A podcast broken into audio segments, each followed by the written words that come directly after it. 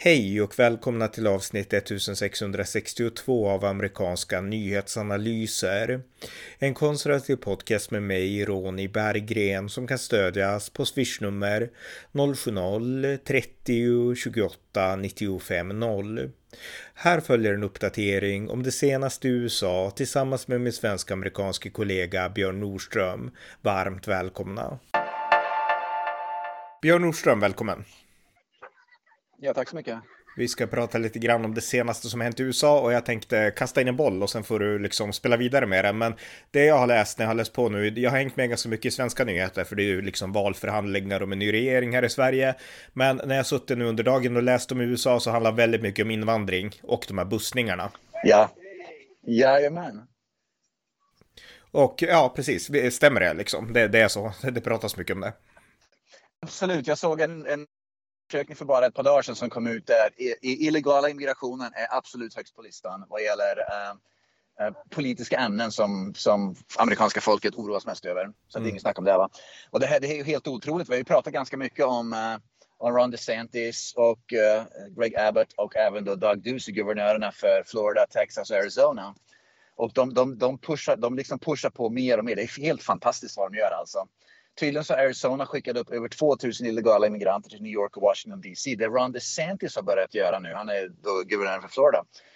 Eh, det finns ett ställe som heter Martha's Vineyard. Det här, det Barack Obama har ett hus där. Det är de rika som har Det är en ö utanför Massachusetts, utanför Boston. Där de, det är liksom, tänk dig ett Östermalm. För att det ligger på, tänk om, om, om Öland hade varit en ö med Östermalm bara. Massa rika människor. Och de då på, och det är de här rika med Jeff Bezos och jag vet inte, alla de här rika vad heter det, massa skådespelare och, och de här miljardärerna har ju hus där då. Det är, liksom, mm. och de, det är de där och samma vänsterliberal som pratar om hur fantastiskt det är med illegal invandring i alla fall. Ron DeSantis från Florida skickade upp två stycken stora flygplan med illegala invandrare som landade på Martha's Vineyard, öppnade dörrarna, skickade ut dem och sen flög tillbaka till Florida utan migranter utan de fick bara kliva av där. Mm. Uh, Martha's Vineyard deklarerade en, en humanitarian crisis omedelbart. De visste inte. De, det finns alltså, jag, jag tror liksom BNP på Martha's Vineyard är nog säkert lika mycket som hela Sveriges ungefär. Det är, liksom, det är mångmiljardärer i dollar som bor där alltså. Men de kunde inte hantera hundra illegala invandrare. Naturligtvis är det inte att de inte kan, de bara de vill inte. Va? Så, att det är, det, så, att han, så att han har börjat med det nu. Uh, i alla fall Ron DeSantis. Och han har även utmanat då uh, Elizabeth Warren. Det här blir bara roligare och roligare. Det är fantastiskt. Han har utmanat Elizabeth Warren. Elizabeth Warren skickade ut ett tweet för ett par dagar sedan och sa att, att vi i Massachusetts, hon är då senator för Massachusetts, då, hon sa att vi i Massachusetts, vi kan ta hand om illegala migranter så vi, vi löser det här. Så Ron DeSantis såg det som en utmaning och sa bra, då ska vi skicka upp hur många som helst upp till er i alla fall. Så att nu kommer vi, buss, nu kommer vi skicka upp dem, pumpa upp dem upp till er eftersom ni kan ta emot dem tydligen. Eh, och eh, så att, det här blir en enda stor rundgång. Men det, det, är helt fantastiskt hur de här guvernörerna håller på nu. Och en sak till jag tänkte nämna bara. Jag tror Greg Abbott som sa det här alldeles för ett par dagar sedan också. Han, de, de skickar upp massa illegala immigranter och släpper av dem på tomten, på, på, bokstavligen på tomten där Kamala Harris bor på hennes bostad. Mm. Skickar de, släpper de ut henne nu. Och Greg uh, Abbott som är guvernör för Texas sa rakt ut om inte Kamala Harris kommer ner till gränsen och förstår gränsen så kommer gränsen att komma upp till Kamala Harris hus och det är precis det den har gjort. Ja, ja men det är otroligt bra och det är i Washington DC ska sägas hennes hus. Men yeah. det här med Martha's Vineyard, det intressanta där också. Där, dit kommer man inte så lätt utan det är som du sa en ö, man måste flyga dit. Yeah.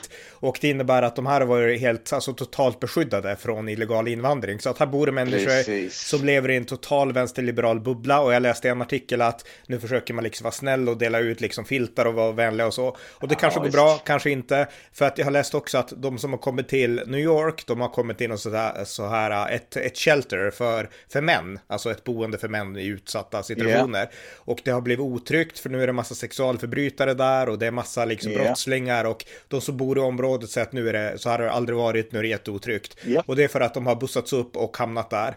Och frågan är om de här på Martha's Vineyard nu också skulle ha oturen att träffa på våldsverkare. För jag menar, de har ju den här romantiserade bilden av att det här är, det är synd om flyktingarna och så här. Och, och det är inget snack om att det finns de som det är väldigt synd om. Men det finns också mixen av de här riktiga farliga personerna, våldtäktsmännen, droghandlarna och så. Och tänk om någon sån skulle komma till Martha's Vineyard och ställa till något där. Jag menar, då skulle de få en ögonöppnare, tror jag faktiskt. Absolut, jag menar sannolikheten är väldigt stor. När de då, nu flög de upp då, jag tror det var hundra stycken ungefär i två flygplan. Att sannolikheten att det är mer än en procent som, som är kriminella eller vad det nu kan vara, det, den är ganska hög faktiskt vad gäller illegala invandrare, tyvärr. Så eftersom DeSantis nu kommer att skicka upp ännu fler via flygplan så är det stor sannolikhet att det kommer att komma upp kriminella där. Och det, det kommer inte att ta lång tid förrän det kommer att begås brott där som helt enkelt eh, drabbar de, de, de, de rikaste där.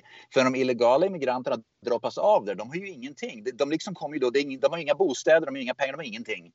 Och naturligtvis när man inte har någonstans att bo, när man är hungrig, man har inga pengar till mat eller någonting. Det, det enda man kan tänka sig att göra då det är att begå ett brott. Det är liksom och, spe, och speciellt om man, redan, om man redan är brottsling, alltså man har i sig naturligt Precis. liksom. Mm. Precis, och, och, även då eftersom man inte har någonting att förlora kommer man hit. Så det, det här som är stora grejen också. De har ingenting att förlora på att begå brott. Därför att de är illegala invandrare som har ingenstans att bo, de har inga pengar, ingenting. Att begå ett brott och bli haffad av polisen spelar ingen roll. Det finns inga konsekvenser där. Därför att de, de kanske hamnar i fängelse i värsta fall, sen blir de utsläppta i vilket fall eftersom det är Massachusetts eller New York eller uh, Illinois där man då släpper ut dem i vilket fall, även om de begår brott. För det är del av, de, av delstaternas nya, de här, vad ska man säga, brottspolitiken att, att kriminella ska släppas ut såvida de inte har begått massmord ungefär. Mm. Nej men här har vi det, det som är fel i hela, inte bara i USA utan hela liksom västra Europa och USA, Nordamerika och säkert andra länder också.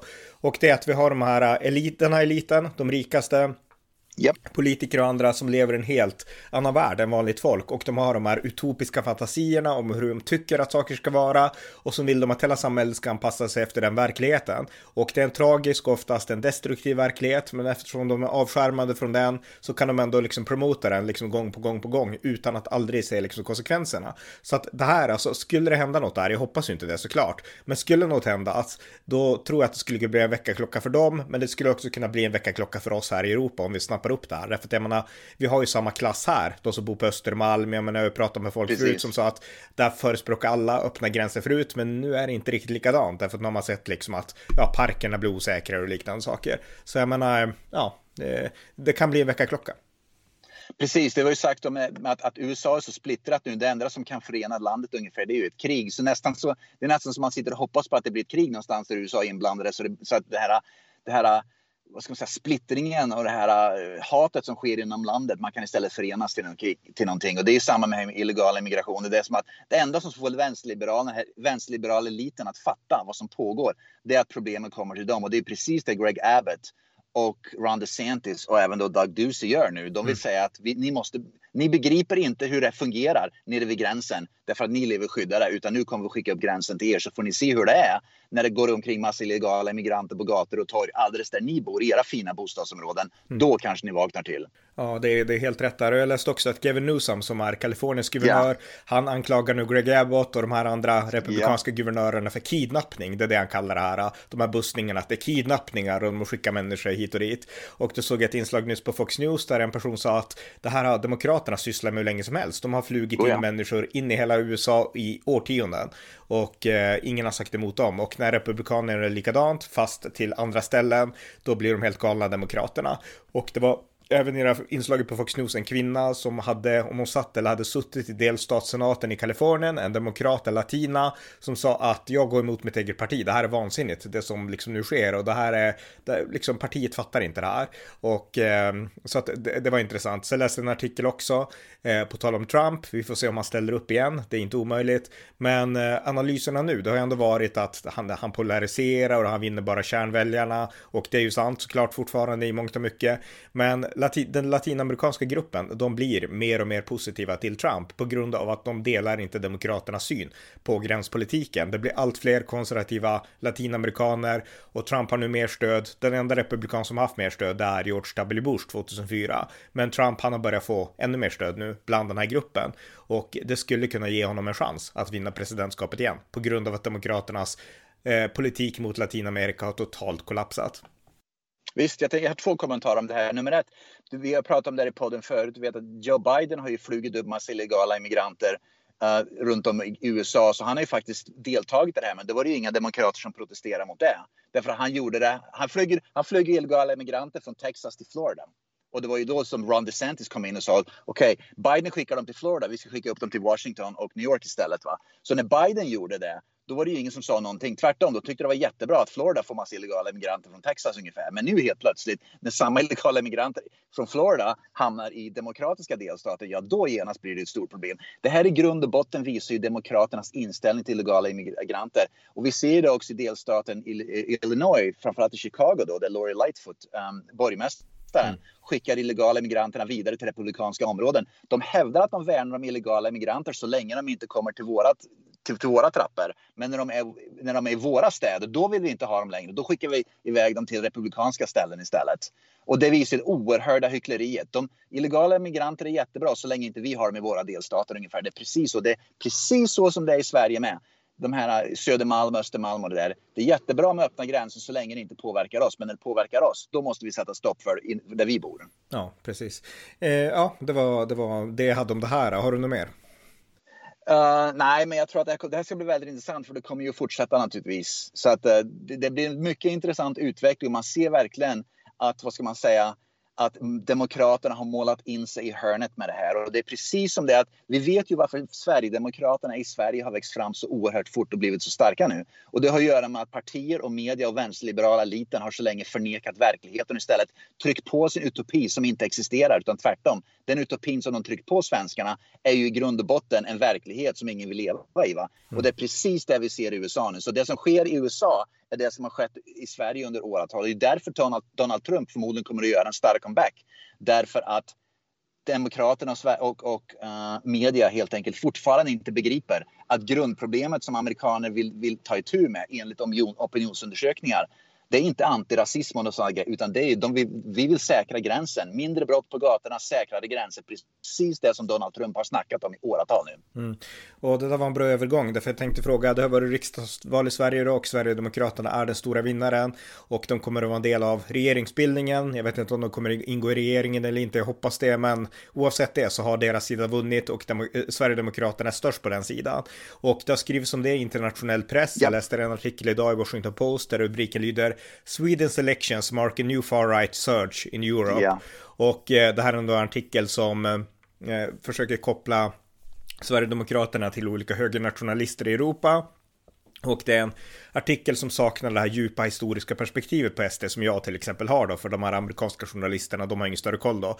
Men de gör ändå referens här och eh, de citerar Jimmy Åkesson och de citerar att han säger då att han ska sätta Sverige först och på engelska så blir det då att It's time to put Sweden first. Och läser man det som amerikan så skulle jag gissa att man tänker direkt på liksom America first, Donald Trump. Absolut. Och så gör man en parallell mellan liksom Sverigedemokraterna i Sverige och har dem som Donald Trump och så har man den här bilden, den här liberala bilden då som finns bland halva USA i alla fall. Att, att Trump är en galning och knäpp och så, och så tänker man likadant om SD. Um, så, så jag tycker att, eh, eller till att börja med, så har, har du läst något, snappat upp något i USA, något mer om, om det här valet i Sverige? För det känns som ja, att det är omskrivet. Jajamän. Det finns två olika bilder. Man målar upp valet på två olika sätt. Tittar man på till exempel konservativ högermedia, då målar man upp det mer som att det här är jättepositivt. Äntligen kommer Sverige. Det, det, kommer Sverige att liksom, det börjar bli ordning och reda. Man pratar mycket om att under de senaste åren så har det blivit många, brottsligheten har ökat väldigt mycket. Det har varit, eh, vad ska man säga, okontrollerad illegal invandring, invandring överhuvudtaget och så vidare. Va? Så Sverige har blivit, det är massa problem och det är det rykte Sverige har nu tyvärr utomlands, även i USA, att Sverige inte längre liksom Villa, Volvo, Volvo och säkerhet och utmärkta skolor och allt sånt här och Ikea utan Sverige drabb, har enorma stora, enormt stora problem och det är det ryktet är nu, framförallt mm. även i USA. Mm. Så högermedia målar upp det på det sättet och vänstermedia målar upp det som att nu är det liksom en, en nu är det ungefär nu är det fascism som kommer in i Sverige igen. Sverigedemokraterna är fascister. De begriper inte vad Sverigedemokraterna är som du säger. De förstår inte att Sverigedemokraterna värnar till exempel om a-kassan och sådana där saker, va? utan de bara pratar om att nu är det och de förstår inte heller att Sverigedemokraterna, jag nämnde förra podden att, att Joe Biden har släppt in 25 000 flyktingar i USA under senaste året, officiellt flyktingar, 25 000. Han utlovade 125 000, han släppte in 25 000. 25 000 flyktingar är ju betydligt i vad ska man säga, vad gäller per capita är ju betydligt färre än till och med det Sverigedemokraterna vill ha nästan. Jag vet inte hur mycket Sverigedemokraterna vill ha, men, men man anklagar nu Sverige ungefär som att under Sverigedemokraterna så kommer Sverige liksom att bli ett enormt främlingsfientligt. Utan att säga då att faktum är att, att, att uh, under Joe Biden så har det faktiskt varit en väldigt främlingsfientlig politik vad gäller legal flyktingpolitik. Mm. Och så, så man, man har inget perspektiv. Nej, inget perspektiv. Och sen tror jag man också missar det faktum att Sverige är inte USA. Ja, men USA Precis. bygger på idén om en melting pot, att sådana som du Björn ska kunna flytta till USA och bli ja. amerikanska som helst. Men Sverige bygger inte på den idén, utan och, det, här, det här är något radikalt som har kommit in de senaste 10, 20, 30 åren. Precis, och man pratar ju aldrig om att Sverige har faktiskt fler utlandsfödda människor som bor i Sverige än USA har utlandsfödda människor som bor i USA. Det nämner man ju heller aldrig. Va? Och det är något oerhört, det är en oerhört demografisk skillnad som har skett där. USA har alltid någonstans 10-15 procent utlandsfödda. Att Sverige har någonstans på 20 procent, det är en oerhört hög siffra. Men det nämner man inte heller i de där sammanhangen. Va? Och det är någonting som har skett de senaste åren. Så när vänsterliberal media målar upp allt det där så målar man upp det som att det här är något fruktansvärt som kommer att ske nu. Utan att, utan att prata om att Sveriges brottslighet har ökat enormt liksom att det enorma utanförskapsområden. Det liksom det är, islam har växt fram och börjat ta över i stora delar och så vidare. Och så vidare. Sånt pratar man inte om utan nu är det bara främlingsfientliga rasister som kommer att styra landet eh, åt Nazityskland eller fascistiska Italiens håll ungefär. Mm. Och det är också en helt felaktig bild. Men det är för att man inte antingen vill måla upp vad som pågår eller att man inte begriper vilka Sverigedemokraterna faktiskt är. Att det inte är ett, ett extremhögerparti. Ja, och här gör ju Socialdemokraterna här i Sverige också Jajamän. otroligt otjänst. Därför att Socialdemokraterna har kontakter med Demokraterna i USA. Stefan Löfven är kompis med Kennedy-familjen. Magdalena Andersson har nu träffat Joe Biden i Vita huset. Och när Socialdemokraterna pratar om liksom Sverigedemokraterna som fascister och nazister, då lär ju det liksom upp, snappas upp där av de här liberala ja. demokraterna i USA. Och vem vet, då kanske de börjar vrida liksom lite hårt emot Sverige. Därför att det här är ju liksom, det var inte det här vi tänkte med NATO och liknande och sådär. Och nu tror jag inte att det är vad Socialdemokraterna vill, men konsekvensen om man liksom tar Socialdemokraternas beskrivning av Sverigedemokraterna på orden, det blir att det här är inte en allierad eller en vän längre, utan det här är ju liksom en ideologisk fiende. Alltså man tror att Sverigedemokraterna är nazister och högerextremister. Så att eh, Socialdemokraterna, de borde verkligen tänka ett varv till. Det är inte bra att svartmåla Sverige internationellt. Och det som det verkligen visar är att Socialdemokraterna är faktiskt Sverigefientliga. De är bara maktgalna. Så länge de inte har makten så bryr de sig inte ett skvatt om, de bryr sig inte om Sverige överhuvudtaget, även om de har makten. Va? Men att de beter sig på det viset så att, att deras vad ska man säga, kontakter felinformeras eller inte får rätt information. Det visar att Socialdemokraterna vill förstöra Sverige om inte Socialdemokraterna får förstöra Sverige själv i regeringsmakten. ja, det var ett bra uttryckt, men ja, jag håller med om det.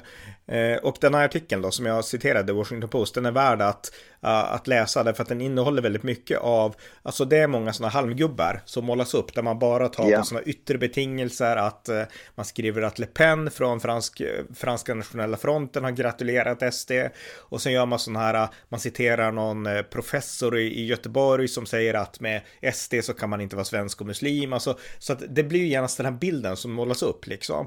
Yep. Och jag tror att det är oerhört farligt om, om den här får fäste i USA. Därför att jag menar, vi måste ha bilaterala relationer mellan Sverige och USA oavsett om det är demokrater eller republikaner som styr USA. Oavsett om det är högern eller vänstern i Sverige och Sverigedemokraterna. Så att det är det som liksom trollas bort när man gör de här nidbilderna av ett enskilt parti ja, Ryssland och Kina behöver ju inte egentligen anstränga sig så mycket att förstöra Europa och västvärlden utan Europa och västvärlden förstör, förstör sig självt genom, ja. genom att vi konstant ingår de här idiotiska striderna mm. utan att begripa att de stora hoten det kommer ju från Kina och Ryssland och andra länder men vi bråkar med varandra så himla mycket att vi glömmer bort det. Och det är det som kommer att göra att vi förintar oss själva. Suverän poäng, alltså helt suverän poäng. Det behöver inte kommenteras. Vi sliter sönder oss själva.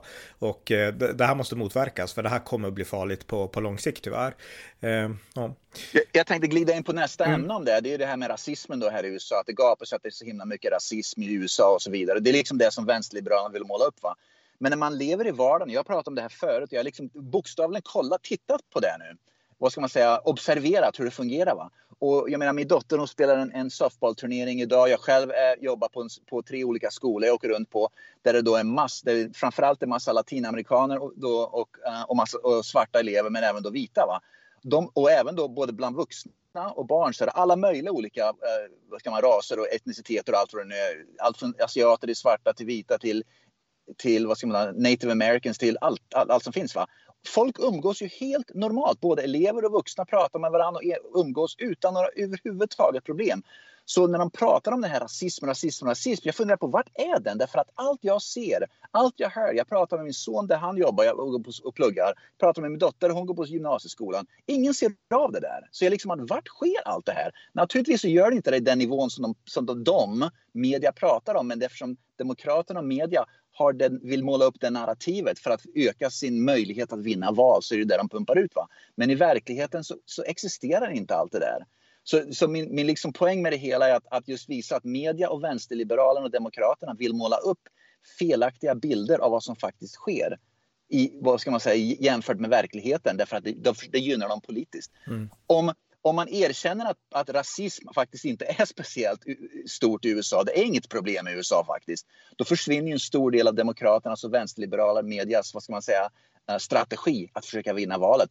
Då förlorar de ganska mycket redan då. Utan de måste ha de här sakerna som rasism och andra saker, att bråka om fascism och allt vad det nu är. Därför att det är deras enda argument, för deras sakargument har de redan förlorat. Ja, och det visar verkligen att de sätter inte landet först, utan de sätter partiet och ideologin först. Jag menar, en parallell till till USA, vi var inne på det här i vår, förra podd också, att det sker en tragisk amerikanisering av Sverige just nu, pådrivna av Socialdemokraterna främst, där man då utmålar Sverigedemokraterna som ett hot mot den nationella säkerheten och betraktar det som en fiende nästan. Nu läste jag en tweet från häromdagen av Greta Thunberg, där hon tyckte att det var så tragiskt det som höll på att hända i Sverige och att fascism var bedrövligt och liknande. Så att jag menar, hon är också inne på spåret att Sverigedemokraterna är fascister. Och eh, jag läste i vänstertidningen ETC en artikel med rubriken Så pratar du med eh, så pratar du med barn som är oroade över ökad rasism och på bilden då till tidningen så var det en mamma som höll om ett förskräckt barn och så var det Sverigedemokraternas eh, symbol i bakgrunden liksom. Så jag menar, eh, det, det, här visar verkligen på att det är ju exakt det här som har skett i USA, det är dit jag vill komma. Där har man polariserat totalt och jag minns ju när jag läste Kamala Harris bok inför presidentvalet då ehm, och hon berättade då att hon 2016 i samband med att Trump vann presidentvalet valvakade med sina släktingar, sin då, sin då nioåriga gudson Alexander och då sa hon att när Trump vann valet då kom Alexander fram till mig och till sin pappa och brast i gråt och sa att den här förskrä förskräckliga mannen, han har, han har väl inte vunnit. Och då gick hon, Kamala Harris och pappan ut och pratade med honom och sa att men du vet ju, ja det här är hemskt, men du vet ju hur det är med superhjältar liksom. Att eh, om, om ondingen kommer, då reser man sig och slår tillbaka och kämpar emot. Och eh, det är det vi ska göra nu ungefär. Så att de, de, liksom, de lärde inte barnet att nu har en sida vunnit och det är så det ska funka i demokratier. Ibland vinner vi, ibland vinner de. Utan de lärde liksom barnet att det finns en ond sida och det finns en god sida. Och ibland så vinner den onda sidan, men då ska vi slå tillbaka. Jag menar, det här är ju hjärntvätt på hög nivå och vi vet att det är så här i USA. Jag menar, du vet det mycket väl, jag vet det. Men det här börjar ju komma till Sverige också. Eh, som den här artikeln i ETC och liksom Socialdemokraternas utspel. Då blir det inte längre att nu är det ett parti som har vunnit och ett annat som har förlorat, utan nu är det de goda mot de onda. Och det är ju extremt farligt. Om det är något som undergräver demokratin så är, så är det det här. Och det som är så himla farligt med det här också, att det är verkligen de som är onda, islamister till exempel, de här som kvinnoförtryckande muslimer då, sånt där, det ignoreras ju helt i Sverige ibland. Precis som Greta Thunberg skulle aldrig skicka ut ett tweet där hon pratar om att, att många muslimska kvinnor och barn, eh, flickor, lever under, under förtryck. Det är sånt, de, de, de, de pratar ju aldrig om att partiet Nyans och islamismen som växer fram i Sverige är ett, ett, ett direkt hot och, och bokstavligen fascism.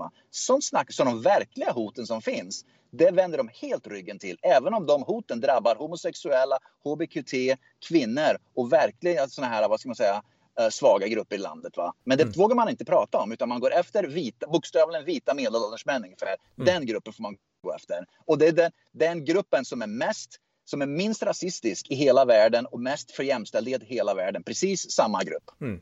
Ja, ja, verkligen. Och, och, nu vi håller på att få en situation i väst där vanliga, i vårat fall svenska och i ditt fall amerikanska medborgare, vanlig medelklass, där de kan råka ut för våld av, liksom, av islamister, men kanske främst av brottslingar och liknande. Och eh, ja, uppleva det hemska att utsättas för brott från liksom invandrade och invaderade grupper, kan man, invaderande grupper kan man säga. Och samtidigt inte kunna göra något, därför att om man slår tillbaka eller om man reagerar, då sätts man dit av sitt eget medsamhälle. Så att man sitter verkligen i rävsax som vanlig medborgare, både i USA och i Sverige nu. Ja, precis. Men tack och lov i USA så är delstaterna då mer makt. Det är därför folk flyttar. Många människor flyttar från till exempel New York, Kalifornien och Illinois till republikanska delstater som Arizona, Texas och Florida där man fortfarande får slå tillbaka och fortfarande kan skydda sig. Mm. Uh, till skillnad från de demokratiska delstaterna. Så det, det där, det, migrationen här i USA, den, den är verklig, den finns. Där människor flyr till delstater och städer då som, som, är, mer, som är säkrare och där, där man har större rättigheter att försvara sig. Det är ju en stor skillnad mot Sverige, därför att här är ju alla, liksom, vi har ju, alltså svensk lag gäller över, över hela landet, liksom, det finns i princip ingen yep. särlagstiftning. Och det innebär att om de här gängmedlemmarna och så skulle känna att nu flyttar vi ut på landet, jag menar då skulle man vara helt, o, alltså det skulle inte gå att skydda yep. Sverige som det är. Om de bara fattar ett beslut att göra det, därför att vi har inte liksom mekanismerna i det svenska samhället än. Jag tror vi kommer att få dem, men de finns inte på plats riktigt än, utan eh, just nu är det tur att gettorna är just i gettorna. Eh, jag menar i USA så är det ju så, hade det kommit in ett gäng galningar till Alabama, då hade varenda kott i Alabama tagit upp sina skjutvapen. Jag menar vi har ju sett filmklipp och sånt där, där liksom ja. en pöbel, eller inte en pöbel, utan där ett samhälle går ihop och liksom kickar ut liksom gangsters. Det, det, det, ja. Man får ju göra så i USA, men i Sverige får man inte det. Så att, eh, ja, vi, vi, vi kan vi riskerar att gå otäcka tider till mötes om vi inte reagerar nu. Och det är det jag hoppas att, att den nya regeringen då oavsett om, det, om Sverigedemokraterna ingår eller inte, att de kommer att, att försöka förebygga sånt där. Precis som vi vet i USA, brott migrerar och det kommer ju ske i Sverige med. Mm. Liksom att brottslingar i Rinkeby kommer inte bara att stanna i Rinkeby och begå brotten. De kommer så småningom handla om, hamna där du nämnde i landsbygden för att begå brott. För där finns det stora möjligheter. Människor kanske bor mer isolerade och så vidare. Och, så vidare va? och jag hoppas att, att Sverigedemokraterna och, och, även Moderaterna och KD nu tar hand om börjat fundera på det där. Så, okay, brottslig, hur ska vi undvika för att brottsligheten ska sprida sig? Det är så den gör i USA. Jag ser det, jag bor i Phoenixområdet. Brottsligheten börjar sprida, kommer närmare och närmare där jag bor. Mm. Just att liksom att, därför att det, det, finns inte tillräckligt många offer att ge sig på längre i de fattiga områdena. Va? Utan då går de ut till de mer medelklassen och rika områdena runt om vad ska man, ytterkanterna av de här storstäderna. Va?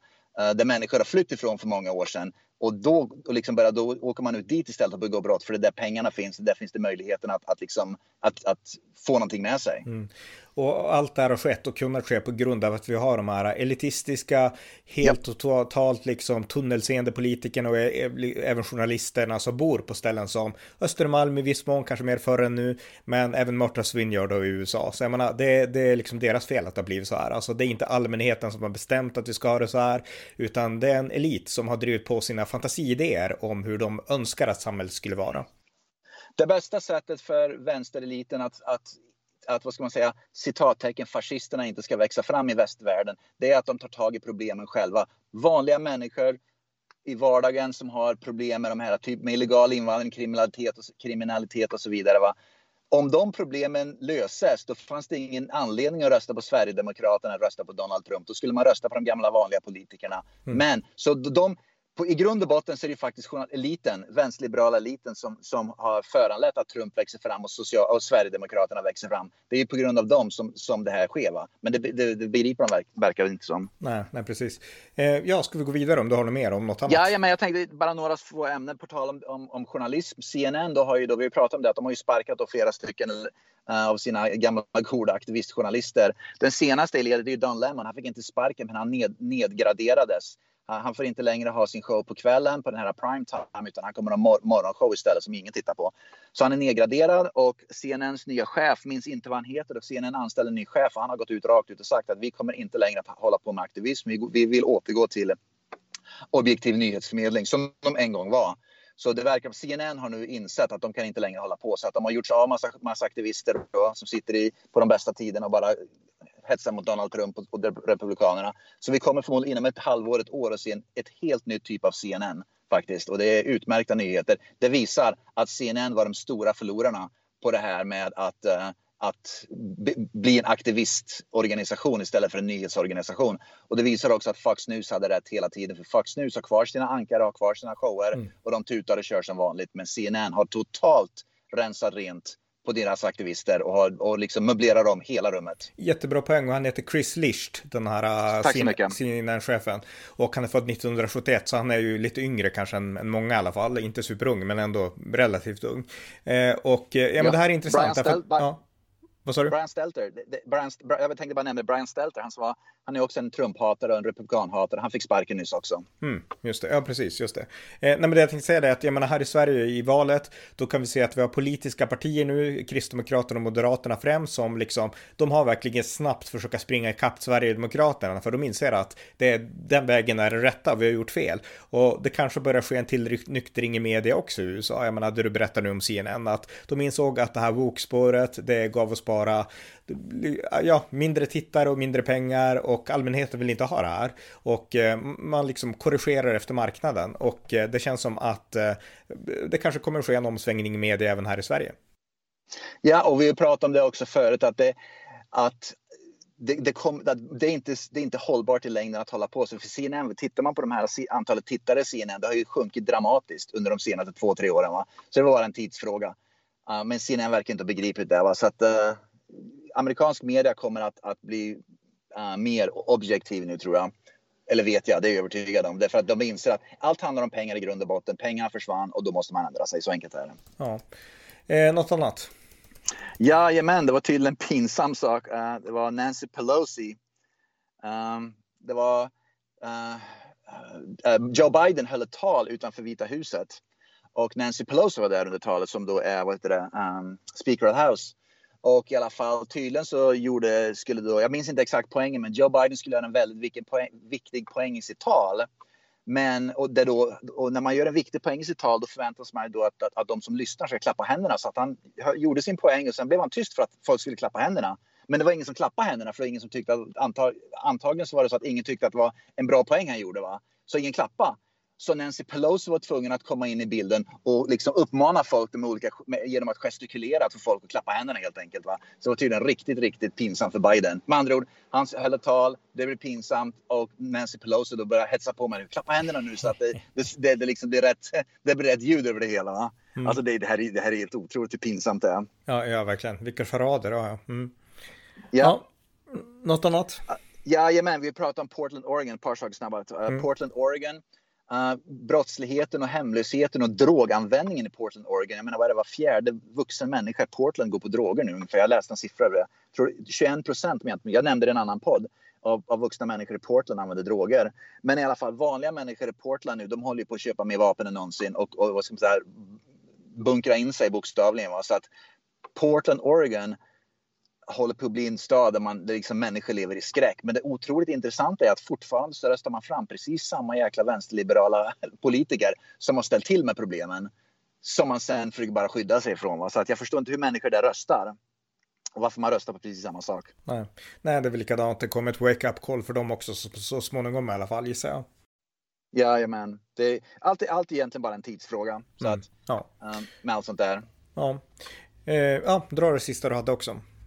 Ja, men en absolut sista grej på tal om journalister. Det var uh, CNNs uh, Christiana, Christ, vad heter hon? Amanpour. Christ, mm. Kristina Amanpour. Ja, mm. Christiana, precis. Hon är ofta utrikeskorrespondent som står med hjälm på huvudet under kriget ungefär. Va?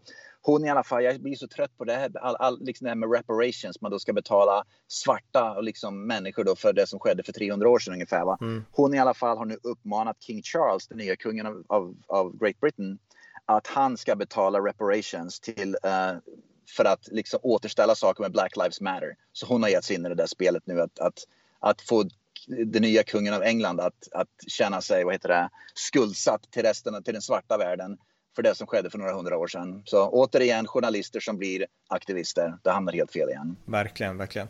Ja, men perfekt. Men tack så mycket ja. för dagens uppdatering. Tack så mycket. Ni har lyssnat till amerikanska nyhetsanalyser, det konservativa alternativet i en vänsterliberal svensk mediamiljö. Stöd gärna podden på swishnummer 070-30 28 95 0 eller via hemsidan på Paypal, Patreon eller bankkonto. Skänk också gärna slant till valfri Ukraina-hjälp. Det var allt för idag. Tack för att ni har lyssnat.